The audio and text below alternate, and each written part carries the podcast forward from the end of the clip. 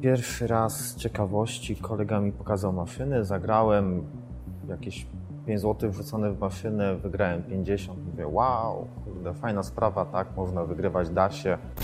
Kwoty, które dzisiaj są dla mnie bardzo duże, gdzie, gdzie, gdzie to byłaby fajna pensja, potrafiłem przegrać jednorazowo i łatwo przyszło, łatwo poszło. Wszyscy ludzie wokół nie, nie mieli znaczenia, tak? Ja potrafiłem oszukać, zmanipulować wszystkich. Byli dla mnie chodzącymi bankomatami. Amok. Totalny amok, nic innego się nie liczyło, tylko gra, tak? Chciałem osiągnąć najwyższą wygraną, tak? Na tamtą chwilę na maszynach to było 10 tysięcy złotych. I wygrałem. No i wtedy mało nie przegrałem swojego życia.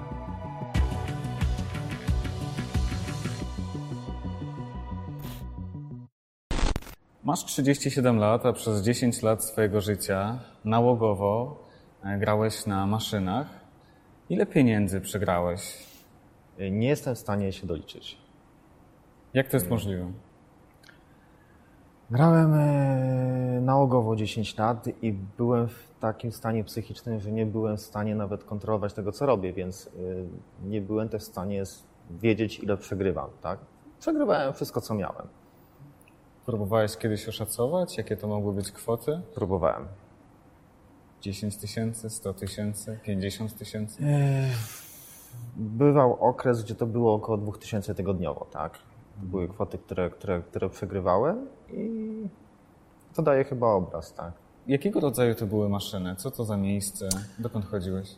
Czy kiedy zaczynałem grać, to były punkty, które były tam ogólnie dostępne, tak? I, i, i- te maszyny bywały wszędzie. Stacje benzynowe, yy, bary, nawet na targowiskach w budkach były, tak? Więc tego było na tyle dużo, że praktycznie wszędzie można było stanąć na chwilę i pograć. Jak to się w ogóle zaczęło? Kiedy po raz pierwszy? Dlaczego?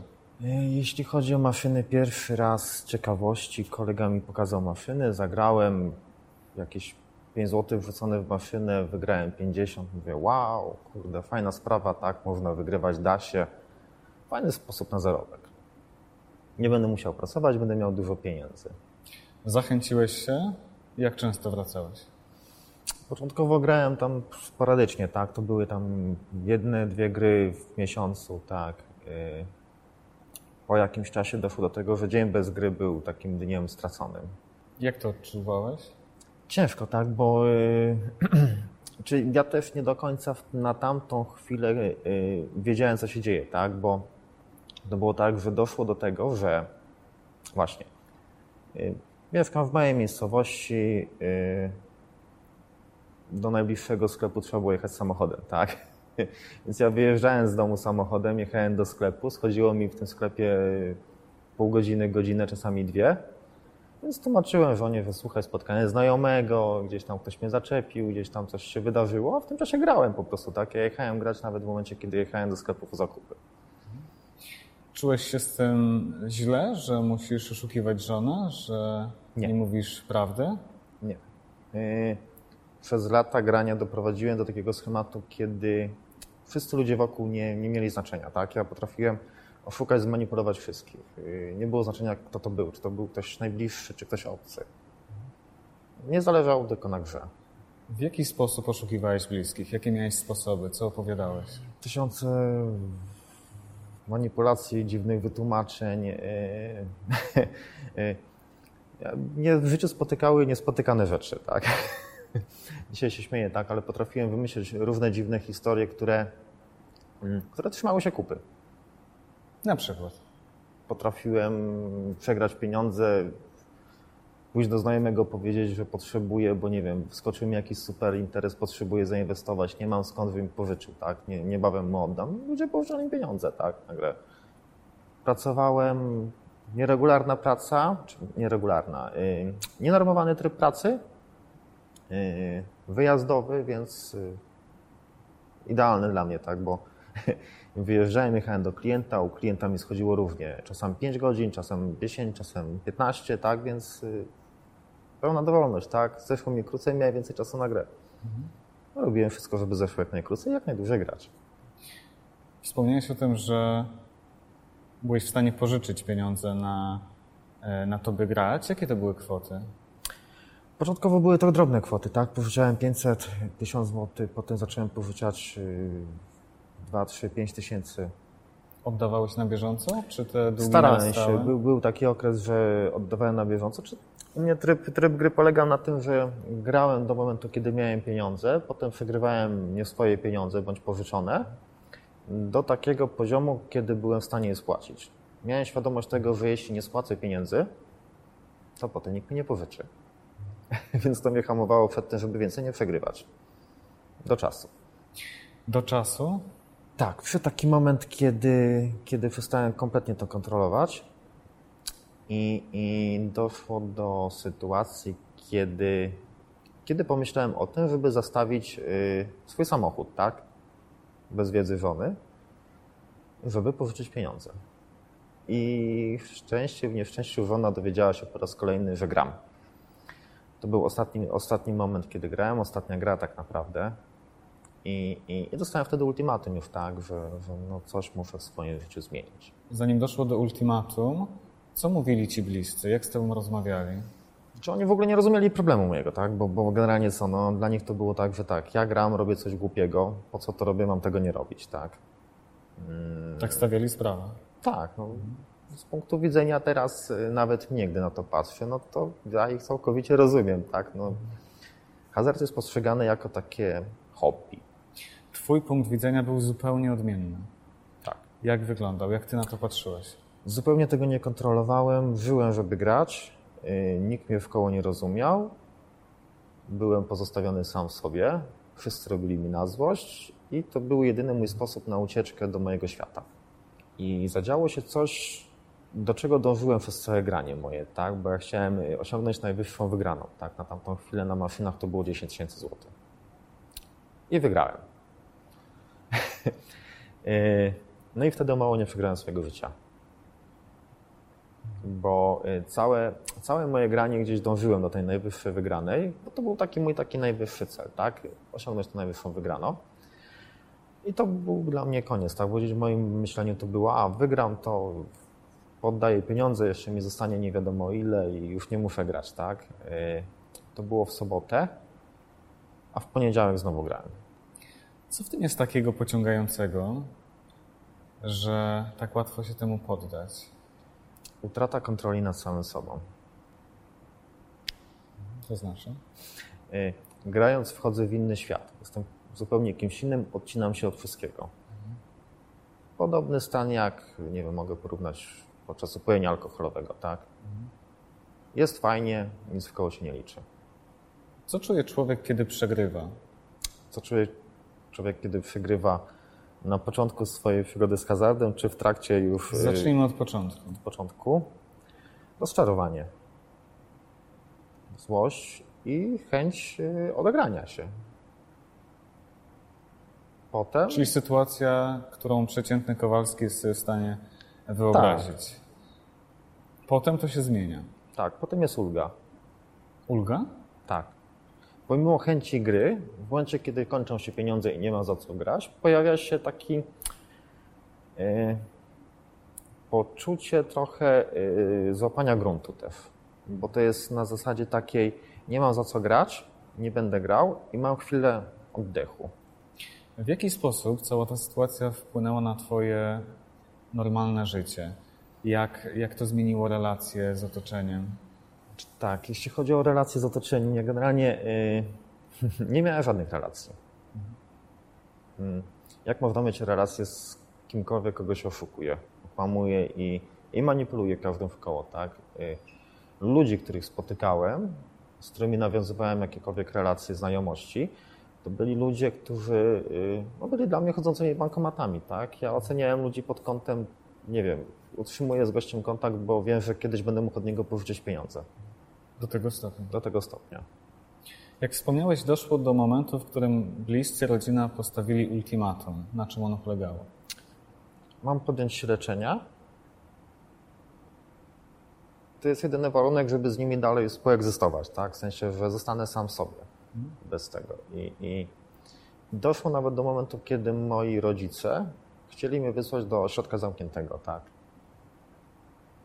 No, doszedłem do wniosku, że ośrodek zamknięty to jednak nie jest jakieś tam dobre rozwiązanie dla mnie, bo, bo to by pokazało, że ja mam problem, więc ja musiałem przyjąć nad tym kontrolę. Tak? Znalazłem ośrodek, y, na miejscu, gdzie nie było środkiem zamkniętym, gdzie mogłem podjąć terapię i stworzyć pozór, że coś ze sobą robię.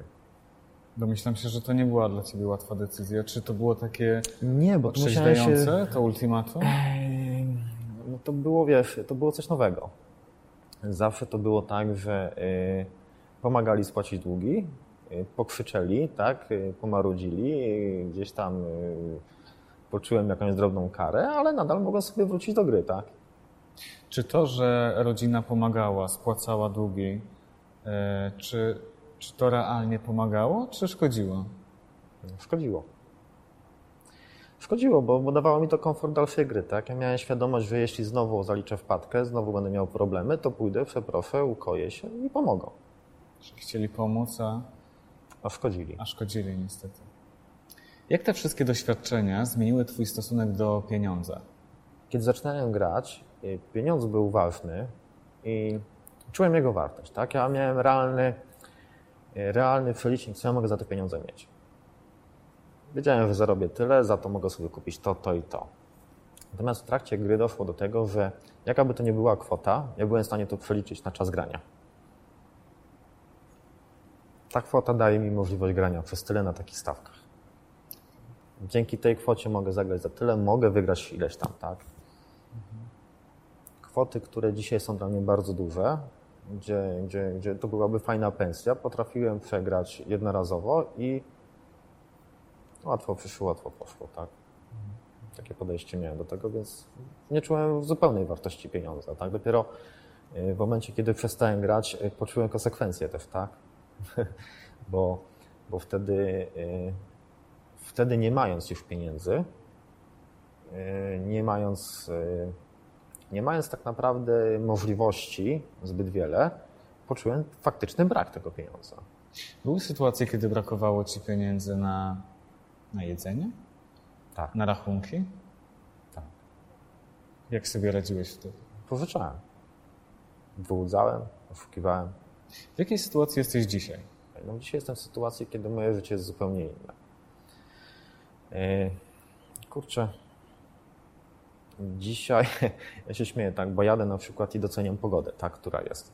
No, świeci słońce, że coś się zieleni. Kiedyś to było dla mnie w ogóle abstrakcja, tak. No co mnie interesuje pogoda, jak yy, temu mam oddać 2000, temu mam oddać 3000, tak, a tam jest nowy punkt z maszynami gdzieś y, okres, kiedy jeszcze grałem, kiedy tych, tych punktów było sporo, one zawsze miały te takie czerwono-niebieskie neony, tak? gdzieś tam migające światełka. Doszło do sytuacji, kiedy jadąc samochodem, widząc y, karetkę, która jedzie, bądź policję, tak, i tam migały światła, ja jechałem w tamtą stronę, bo byłem przekonany, kurde, tam nie było żadnego punktu, coś otworzyli. Ja goniłem policję na przykład, tak. Niemalże szaleństwo. Tak, amok. Totalny amok, nic innego się nie liczyło, tylko gra, tak? I, i, i, no i pęd za tym, żeby grać, tak? Ja żyłem po to, żeby grać.